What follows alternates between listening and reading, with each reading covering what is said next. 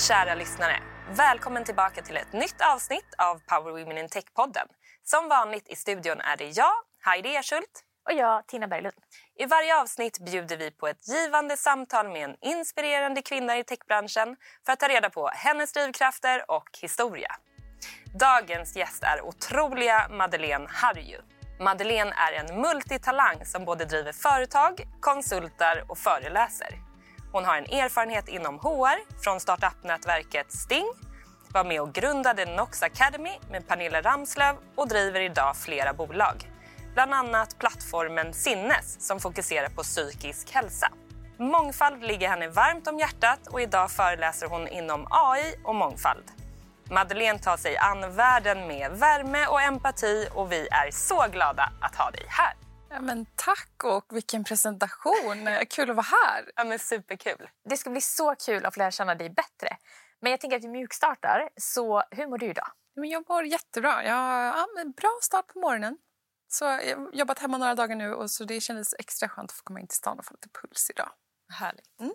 Första frågan, vi hoppar rätt in. Vilket råd skulle du vilja påminna dig själv om där du är idag? Ja, men det som jag tänker ofta på är att det löser sig alltid.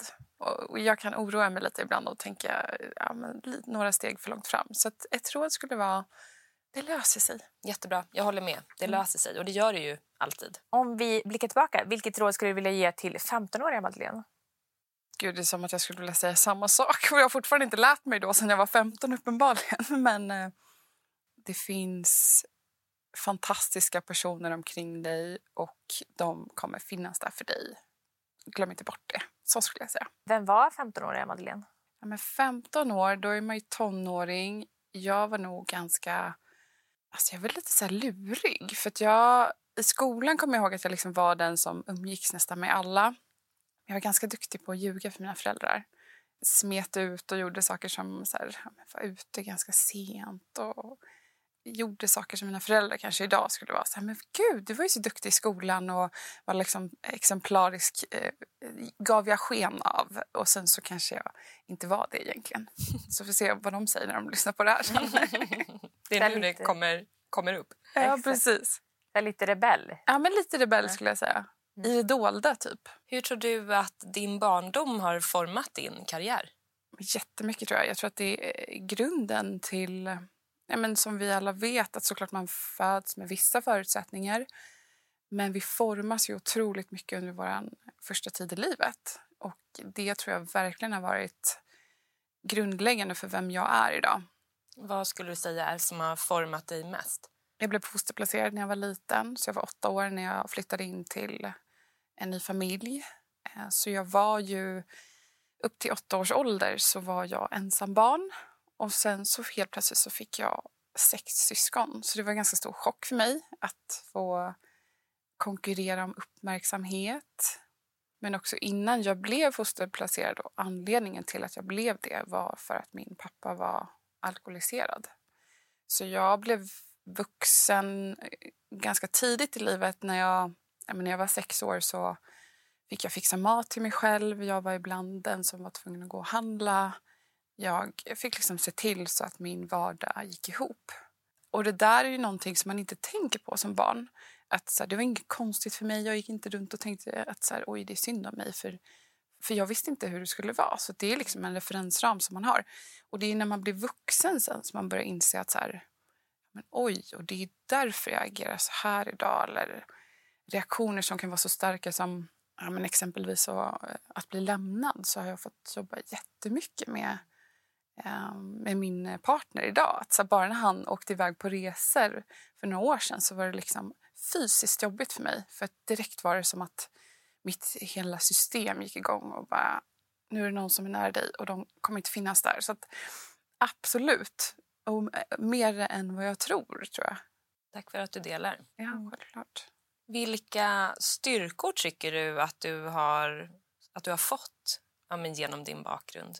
Är lite så naiv. Eh, jag tror typ att man kan göra vad man vill. Mm. Eh, så länge man tror på sig själv. Och jag tror det är det som är grundförutsättningen. Jag vet inte varför, men jag tror säkert att jag har haft vuxna omkring mig ganska tidigt i livet som kanske inte var mina föräldrar som tidigt såg mig, gav mig liksom uppmärksamhet. eh, som gjorde att jag någonstans fortfarande än idag kan, kan vara så här, "Äh, hur svårt kan det vara? Det där löser vi. Och så ger jag mig in i det och sen så löser jag det på något sätt. Mm. Antingen liksom med hjälp av andra som är duktiga eller så liksom kl- klurar man ut det på något sätt. Så det skulle jag säga är eh, en av mina främsta eh, styrkor som kanske också kan ses ibland som lite naiv. Att så här, men herregud, eh, några gränser finns det ju också. Men ja, jag skulle ändå hålla det till det positiva. Mm. Det känns ju som att du är väldigt, eh, ja, men väldigt modig Ja, av att så här, våga, på, våga ja, prova på mycket nya saker. ja men precis. Ja, men det motiverar mig ganska mycket. Att så här, eh, men livet är liksom, vi lever en gång. Tänk att bara få testa liksom, så många saker som möjligt. Alltså, så tänker jag nästan med ganska mycket i livet. att ja, men så Allt ifrån... eh, Tänk om, jag är, tänk om jag missat en maträtt som jag skulle älska. Alltså, du måste ju liksom testa saker. Eller resa till nya ställen. Eller träffa nya människor. Eller testa nya jobb. Ja, jag tänker att det syns väldigt tydligt också om man, liksom, som vi nämnde innan, kollar ditt CV. Du har ju otroligt mycket erfarenhet. Men vad tror du att det synsättet har tagit dig liksom, i livet och vad har det tagit dig för? Jag växte ju upp som jag tror att vi nästan alla gör, eller i alla fall den generationen växte upp med att man ska nästan ha en, en dröm av vart man ska någonstans. Ganska tidigt så kände jag att jag vet inte riktigt vad jag vill. Jag vill liksom jobba med människor och det är ju typ det jag vill, men det är så brett. Det var kanske bara för fem år sedan, ish, där någonstans, som jag tänkte så här, nej men vad, alltså, det finns en norm om att vi ska jobba fortfarande liksom 9 till 5 på ett ställe. Och jag har ganska ofta fått tampas med mig själv. Alltså, hur ska du kunna förklara att du gör så många olika saker? Och så jag har typ liksom börjat resonera med mig själv som att så här, ja, men tänk när du har en roll på ett företag så gör du ju extremt många olika delar i det jobbet. Exempelvis. Eller du kanske har barn. Och då är det också ett ganska stort projekt som tar ganska mycket energi. Så att jag har fått liksom så här, hitta mitt så här, nej men vet du vad, nu ska vi utmana normen i att vi ska fördela liksom. Det är som att jag sätter på mig olika kostymer. Mm. Eh, och så går jag in i den rollen. Och så tänker jag, nu ska jag, det här är liksom fokus här, det här är syfte här. Precis som vi kanske gör under en arbetsdag i olika projekt vi jobbar i också. Mm. Det finns något extremt befriande i att så här, gå emot eh, vad folk har för förut, liksom förväntningar på Ja. en och, och normer som du säger. Det, Ja. det, jag tycker det känns i kroppen när man bara gör något för sig själv och Ja. bara så här, ja, Verkligen. gör det som känns rätt. Ja. Och såklart, med det sagt så är det inte enkelt alltid. Eh, och det finns ju jättemånga tillfällen när jag tvivlar på mig själv och när jag tänker så här, gud, vad håller jag på med? Jag liksom, hur ska folk uppfatta mig? Du vet man går in i så här, nu ska andra människor titta på mig och se. Men så slår det ju en att så här, men alla människor går runt och tänker så. Så att vi har inte ens tid att tänka på någon annan utan vi går ju runt och tänker på hur, hur uppfattas jag själv? Så att man får försöka gå tillbaka till sig själv och tänka så här, vad är viktigt liksom för mig. Mm.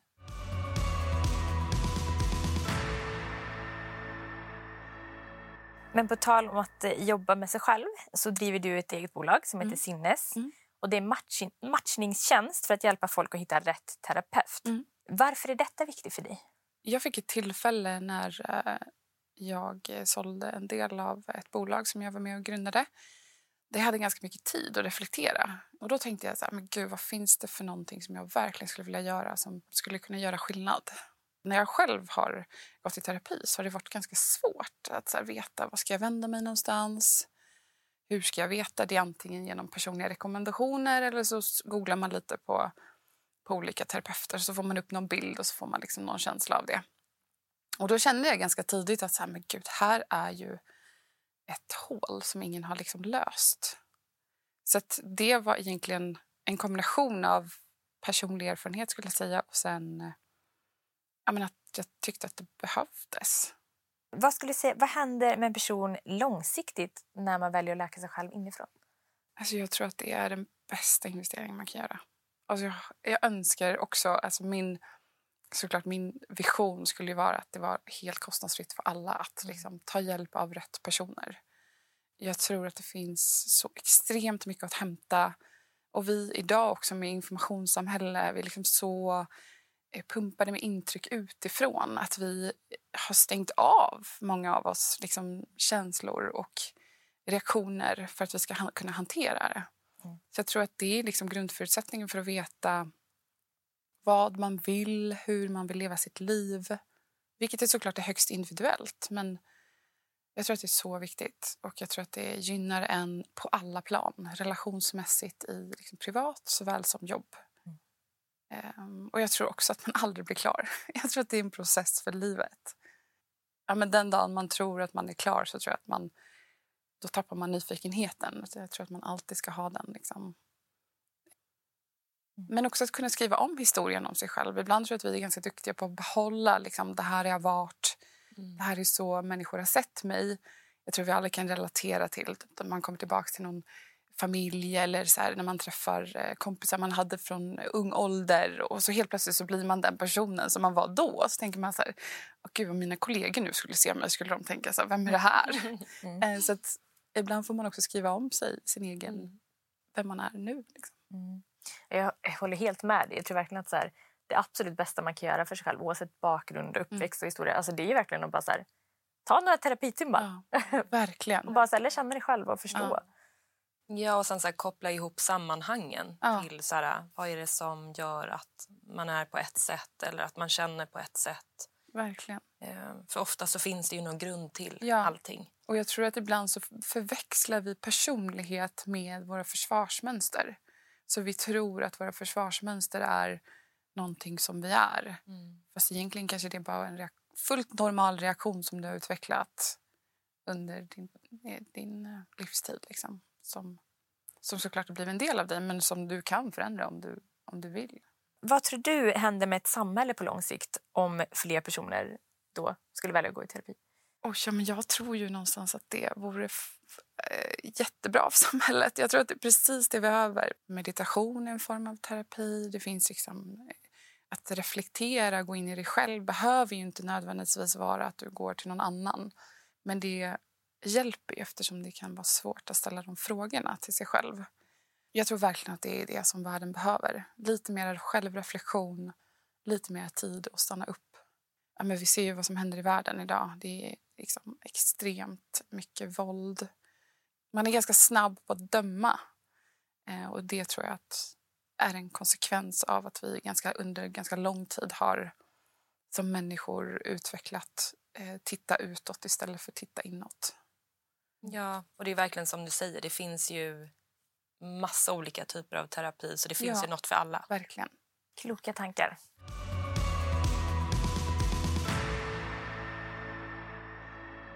Du är väldigt driven och har många bollar i luften samtidigt. Vad är entreprenörskap för dig? Entreprenörskap för mig är att lösa saker. Att få använda min kreativitet, tror jag. Och eh, jag tror att det finns extremt många människor där ute som är entreprenörer och de vet bara inte om det. Alltså det är ganska många människor som sitter på bolag, säkerligen ni som liksom kom på den här podden, som säger ah, nu ska vi, det här har vi sett finns ett behov av, vi skapar det. Men man kanske inte själv sätter sig etiketten som en entreprenör. Och jag har också ganska svårt för det ordet ibland, att det blir så himla så här, jag känner typ lite press. Och därför vill jag också höja upp att det finns ganska många tror jag, där ute som som gör sin grej, som gör den jäkligt bra.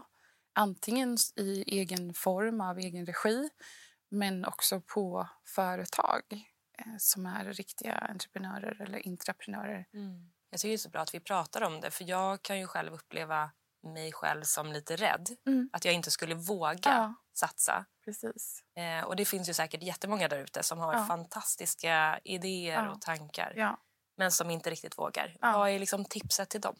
Ja, men ta hjälp. Det finns så många människor där ute som bara vill hjälpa. Så när man slänger ut en fråga om hjälp så tror jag att ganska många också är beredda att ge dig den. Jag tror att det är rädslan vi själva bär oss in, inom oss att, så här, ja, att inte lyckas.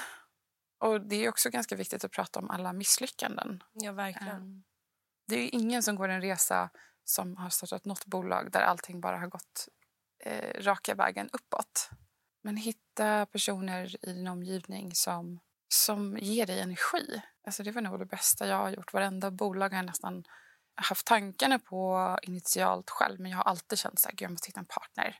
Och när jag hittar min partner in crime så har jag känt att nu kan vi liksom ta över världen. Vi kan göra vad som helst. Bra tips. Och vad tycker du branschen glömmer att lyfta när man pratar om just entreprenörskap? Ja, men det är nog alla eh, mindre bolag som inte lyckas göra de här enorma summorna och unicornsen som oftast lyfts upp i media. Det finns också ganska vanligt att vi talar om Stockholmsområdet. Vi är liksom ett helt land fullt av så många häftiga liksom, personer som startar bolag, som ja, men driver projekt. Det kan också vara ideella projekt som är helt fantastiska. Jag tycker vi behöver bli bättre på att se ganska små exempel som inte syns och som inte får liksom, uppmärksamhet som jag tror att många kan relatera till. Mm. Det blir, steget blir inte så stort. När jag ser och läser om eh, Daniel Ek som grundade Spotify då blir det ganska så här, ja dit kommer inte jag hamna. Mm. För att det blir så stort steg. Mm. Och sen tror jag framförallt fler förebilder som representerar mångfald och mm. en större bredd. Vilken sorts entreprenör är du? Ja, men det är som att jag åker en berg och dalbana skulle jag säga. Jag är en entreprenör som speglas av min personlighet. Att Ena dagen så tänker jag allting är möjligt och jag kan göra vad som helst. Och nästa dag säger jag så här, gud vad har jag gett mig in på? Varför har jag signat upp på det här? Och så, och så börjar jag tvivla på mig själv. Mitt entreprenörskap speglar den personen jag är. Jag är väldigt autentisk när det kommer till mitt jobb. Och det, när jag var yngre så var jag mer så här, nu ska jag liksom gå till jobbet, vara professionell, göra mitt yrke. Medan jag, ju äldre jag blir, känner mer och mer så här, nej men ni får ta vad ni ser, liksom, för det orkar jag inte med. Jag orkar liksom inte... Eh, mina grundvärderingar är liksom samma vart jag än är. Så att, och det är väl skönt att landa där? Jätteskönt. Det tycker jag är det bästa med att bli lite äldre. Ja, man liksom hittar precis. sin ståndpunkt och man vet Ja. vad man tycker, vad man vill göra och inte Ja. göra. Verkligen. Men så där har jag varit sedan jag var liten. Att jag bara, "Gud, jag vill bli äldre. Ja. Väldigt oklar liksom, målbild. Men den, Men du vet den att in varenda år. Liksom. Ja. Du visste att det var skönt. ja, Du visste att du var på väg liksom, någonstans. jag tycker det är skönt. Ja. Ja, det är skönt. Ja.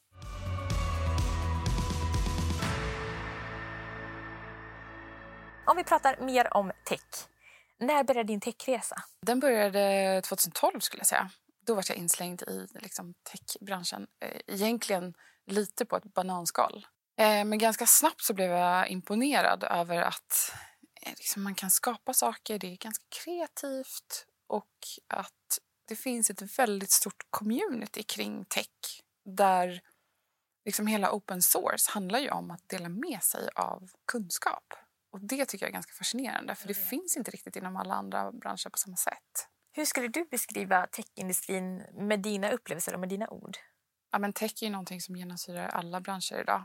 Så jag skulle säga att vi snart borde eh, gå mot ett paradigm som pratar mer relationer kopplat till tech. För tech är liksom grundförutsättningen för mycket av det vi utvecklar. Men konsekvensen är när tech kan bli mer automatiserat och man med AI också kan liksom ta hjälp av det så blir det ju fokus på det relationella.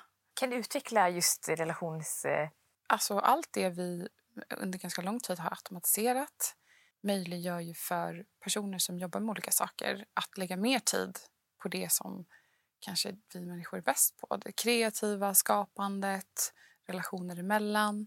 Så det blir ju en konsekvens av att vi frigör tid. Precis som när industrialismen hände så fick vi tid till att kunna sitta mer framför skärmar. Eh, Så, så jag tror att utvecklingen är ganska naturlig men jag tror att diskussionerna fortfarande handlar ganska mycket om, om den tekniska delen. Men vi ser ju nu med AI så börjar vi prata om etik. Helt plötsligt så blir filosofiska frågor ganska viktiga.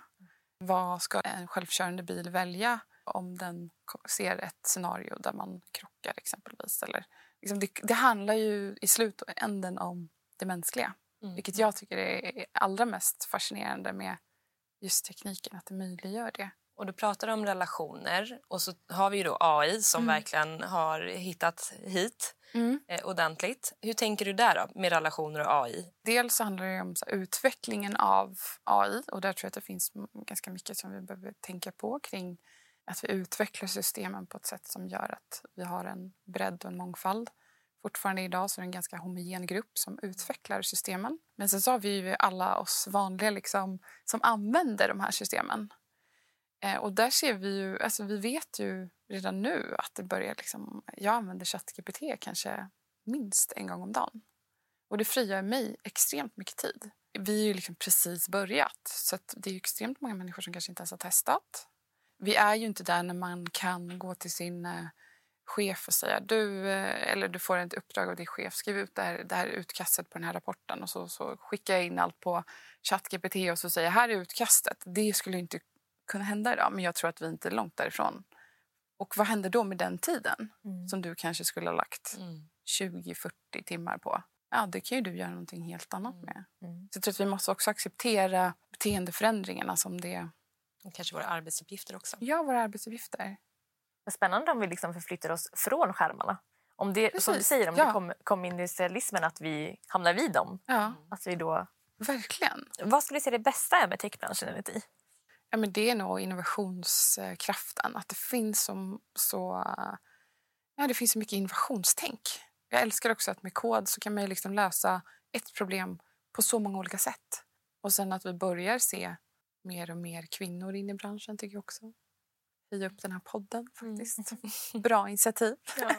Om du får förändra något i branschen eh, och du har oändliga medel och förutsättningar, vad skulle det vara? Ja, jag skulle definitivt se till så att eh, representationen är... Alltså från alla... Om vi tittar på diskrimineringslagen så är det liksom fortfarande väldigt homogent inom techbranschen. Och det behövs förändras. Och det behövs kommas uppifrån. Eh, det kan liksom inte bara vara en gräsrotseffekt. Jag tycker kvinnor har kämpat ganska länge nu inom tech för jämställdhet. Så jag skulle definitivt eh, tvinga företag att kvotera in. Eh, jag tror också med det nya lönedirektivet eh, som kommer snart från EUs håll där man behöver rapportera in hur, kvinnor och mäns löner ser ut kommer Även påverka. annonserade i, eller i annonserna behöver vi vara Ja. transparenta kring lönelägen. Precis. Det tror jag också, sådana saker, sätta press på transparens. För när det finns transparens så går det att ifrågasätta på ett helt annat sätt än vad det finns idag. För när man ifrågasätter idag då kommer det en massa konstiga argument som man liksom inte riktigt vet om om det stämmer eller inte. Medan är det tydligt så kan man också ifrågasätta det. Du är ju väldigt engagerad i mångfaldsfrågor Ja. eh, och föreläser bland annat om både AI och mångfald. Mm. Var kommer det drivet ifrån? Ja, men det är ju, det, ibland kan jag tänka, alltså, jag förstår att utifrån kan det vara så här, men vad har AI och mångfald och inkludering med varandra att göra? Men det är ju precis det här jag pratade om innan, att så här, det är ju nu som tekniken möter relationer och de etiska frågorna blir än mer viktiga. Och anledningen till det, exempelvis då med mångfald och inkludering, är att vad AI gör är ju amplifierar våra egna värderingar. Så att det ger ju en skala på någonting som vi om vi har en företagskultur som är ganska dålig, som liksom inte står för mångfald och inkludering som på ett eller annat sätt indirekt kanske diskriminerar. Ehm, och vi utvecklar ett system där, som är baserat på AI, då kommer ju det liksom skalas upp. Och därför blir det än mer viktigare nu än vad det kanske... Det har alltid varit viktigt, men det blir ännu mer kritiskt. Ehm, så det skulle jag säga, liksom, drivet för mig har alltid varit att alltså, vi människor. Jag tror också att vi kommer se på avdelningar. Eh, vi har varit väldigt jobbat i silos, kommunikation, eh, HR, ekonomi. Liksom, fortfarande ganska avgränsat, även om man kanske vid ledningsgruppsnivå eh, möts och pratar om olika utmaningar. Så även där, liksom, titta på IT-avdelningen. Vi behöver ha in experter som är beteendevetare. Vi behöver et- etik, eh, kunskap. Vi behöver liksom in de här filosofiska frågorna redan i utveckling för att förstå vad vi gör för någonting. Vi utvecklar ju te- tekniken för oss människor. Tänk om alla liksom, företag skulle anställa så här, beteendevetare och psykologer. Det hade varit superspännande. Ja. Verkligen. Jag känner att jag får många så här mindblown insikter under vårt samtal. Och varför inte tänk det första eh, företaget som vågar göra sådana saker? Ja, men verkligen. Ehm, Jag tycker vi ändå här har lyckats på Nordnet bra att vi ändå både HR, kommunikation och typ marketing jobbar väldigt Mm. nära varandra. ja, Vilket vi inte gjorde många tillbaka år i Nej. tiden. Eh, Så att jag tror att vi, är liksom, vi är på väg dit. Verkligen. Jag hoppas det i alla fall. Men som du nämnde så AI bygger ju på data som redan finns till hands Mm. Och utvecklas därifrån vidare. Mm. Eh, därför finns det ju en stor risk att vi återupptar de här skadliga mönstren och strukturerna i samhället. Mm. Hur undviker vi det? jag tror att det allra viktigaste är ju dels mångfalden på gruppen som utvecklar systemen. Och där redan där sätter vi liksom ramarna för hur system och lär... En del är ju datan som vi väljer. En annan del är ju hur modellerna utformas och hur systemen utvecklas. Så det är såklart att det kommer finnas AI-system, vilket det säkerligen finns redan idag som är, har, gett, har tänkt på ett mångfald och inkluderingsperspektiv redan initialt när man har utvecklat det här. Men den stora majoriteten tror jag drivs av att vi är, är fortfarande i ett konkurrenssamhälle. Det ska gå snabbt, vi ska tjäna pengar och då är mångfald och inkludering någonting som inte kommer i prioritet. Och det tror jag är viktigt att, att uppmärksamma, att vi behöver liksom tänka på det när vi utvecklar. Det behöver inte vara att ett företag utvecklar sina egna liksom, AI-system. Men bara det att du har API mot andra system så borde vi ställa krav på våra leverantörer. Vi borde se så här, okay, vilken data har hanterats här. Eller också när någon exempelvis märker att... Om jag tänker på det här exempel som var eh, ganska länge sedan. Typ Amazon som utvecklade ett rekryteringssystem där man kunde sålla kandidater. Och så insåg man att eh, diskriminerade kvinnor. Och det var inte medvetet tänkt. Men förstå den personen som märkte det här. Mm. Vilken enorm, enormt mod och vilken organisation det måste finnas som backar upp att vi lyfter problem. Mm. Och det är, tror jag är liksom en konsekvens av det här att vi måste liksom se till organisationer, vi måste liksom våga göra fel, vi måste ha ett sätt att hantera... Ja, men okej, men om någon ser att ja, men det här händer, någon har blivit diskriminerad, någon tror att de kanske har blivit diskriminerad. Ja, men hur ser vi till att vi undersöker det? Mm. Eller hur kan vi uppmärksamma det? Nu lades det här systemet ner så det används inte men det var säkert igång ett tag. Och det var säkert ganska många kvinnor som sållades ut. Mm. Då har man till och med tagit bort namn och allting utan det var ganska avidentifierat. Men man hade, systemet hade lärt sig att manliga svar var mer fördelaktigt eftersom de också blev rekryterade tidigare innan man hade använt. Så det är liksom så här, vi måste förstå tekniken för att kunna ifrågasätta den men vi måste också kunna ha ett system för att hantera när saker uppmärksammas. Mm. Och där känns det också lite spännande med AI. Eh, du Madeleine har ju, kom ju också från rekryteringssidan ja. eh, tidigare.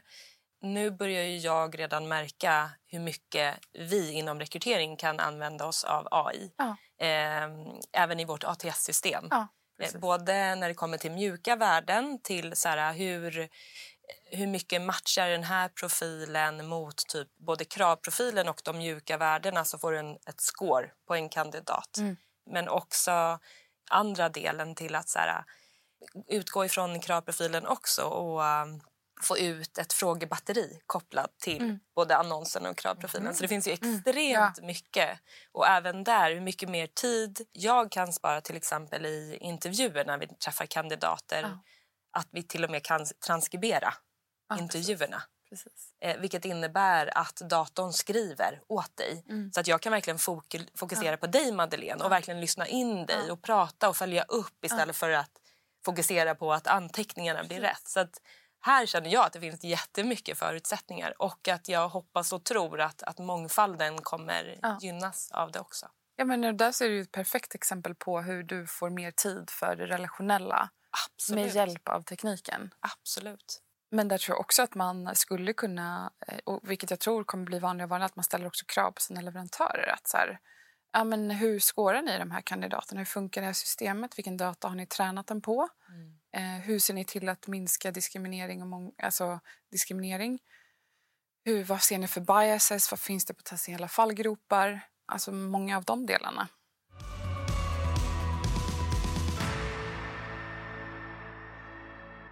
På temat om mångfald, hur inspirerar vi flera kvinnor att se en, en framtid i, i techbranschen?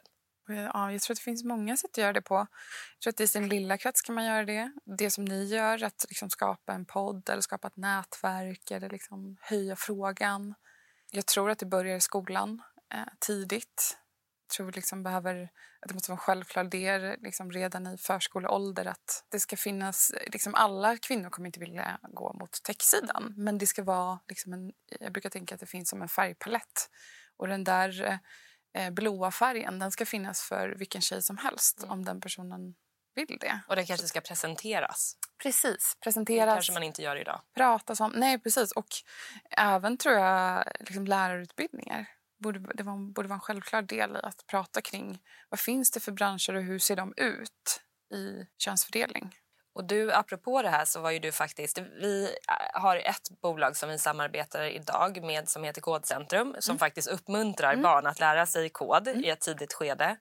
Eh, och inte kanske bara sitta på, på sin iPad och spela spel Nej. utan faktiskt lära sig eh, metodiken bakom spelen. Mm. Eh, men du var ju också faktiskt med och grundade Nox Academy Mm. som också är en del som riktar sig ut mot barn. Precis. Och det var ju en, en stor drivkraft i det var för att vi såg att hur ska vi inspirera fler tjejer att, att börja tidigt med kod. Eh, vilket var otroligt kul. Alltså, och, och jag fick ju också lära mig då liksom, basic kod för att vi, jag var en av de första lärarna eftersom vi var så här, ja, men okej, om vi ska göra det här så måste vi också förstå vad vi gör. Eh, Men att se då unga tjejer som får liksom i sammanhang med andra unga tjejer för jag tror att det är också en grej att man är liksom flera stycken. Få skapa, få vara kreativa, få vara ett självklart forum där liksom... Kanske dela intresset också. Ja. Alltså vi vuxna, föräldrar, alla vi förebilder, liksom, vi behöver tänka på vad vi säger. För vi formar barn. Ehm, och det gör vi oavsett om vi, vi är medvetna om det eller inte. Har också fortfarande ganska så, stor norm där så, här, tjejer vill ju göra mer designgrejer. Nej, det vill de inte. De är, de, vi är vuxna, vi, liksom, eh, vi har samma valmöjligheter. Vi kanske bara formats mer så. Men hur vore det om man bara fick liksom, alla möjligheter? Då kanske vi hade sett större variation. Det tar jag med mig som mamma. Ja.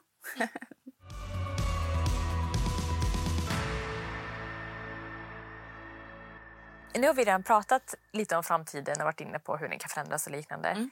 Men vi är ändå nyfikna. Om vi kollar in i framtiden, vad tror du kommer hända? Jag hoppas att eh, vi kommer se mer och mer eh, fokus på eh, det relationella. Lite det som jag pratade om tidigare. Eh, det tror jag verkligen är viktigt samtidigt som vi hänger med i tekniken. Sverige har liksom varit ett, ett land som ligger i framkant när det gäller det tekniska men vi håller ju också på att hamna efter. Ehm, så att vi behöver eh, hänga med och då behöver hela befolkningen hänga med. Så vi behöver liksom möjliggöra för att hur ska man liksom kunna reskilla sig? Hur ska man kunna ta till sig ny kunskap? Hur ska också företag vara mer öppna för att ta in människor som kanske inte har gjort saker tidigare? Jag hoppas att det kommer vara mer fokus och frigöra mer tid för att vi ska vara människor. Jag gillar din framtidssyn. Den känns hoppfull. Ja, verkligen. Tiden går så otroligt fort. Jag kan inte förstå. Eh, men vi har redan hamnat på fyra snabba som är ja, men fyra snabba frågor helt enkelt. Ja, Och första frågan. Vilken är den första appen du öppnar på morgonen?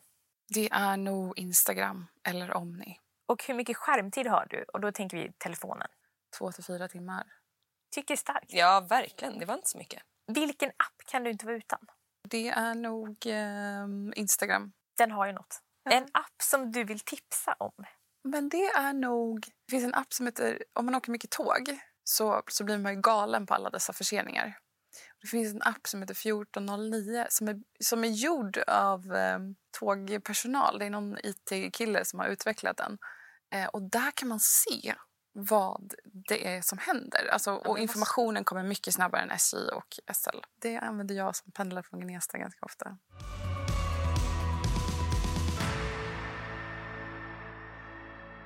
Ja, och sista frågan för idag så ska du få nämna en powerkvinna i techbranschen som du inspireras av och vill hylla.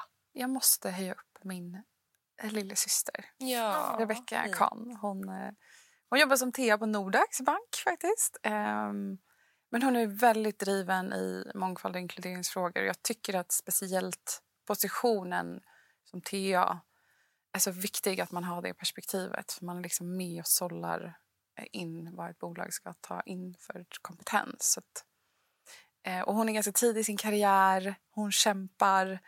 Eh, så att, ja, jag vill ge henne lite extra cred och lite extra kärlek. Fint.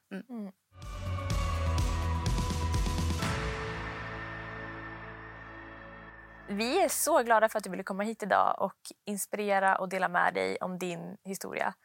Du är väldigt varm och det var så himla fint att bara få sitta och prata med dig och filosofera. Ja. Verkligen. Ja, men tack själva för att ni bjöd hit mig. Det var en jättefin fin stund. Stort tack till dig som har lyssnat på veckans avsnitt av Power Immunitech-podden. Ett tips som vanligt är att prenumerera på den eh, och även bli medlem i vårt nätverk på LinkedIn för att få de senaste nyheterna. Den här podden är producerad av fintechbolaget Nordnet. Vi heter Tina Berglund. Och Heidi Ersult. Ta hand om dig och kom ihåg att fortsätta drömma, våga och realisera. Vi hörs snart igen. Hej då! Hej, hej!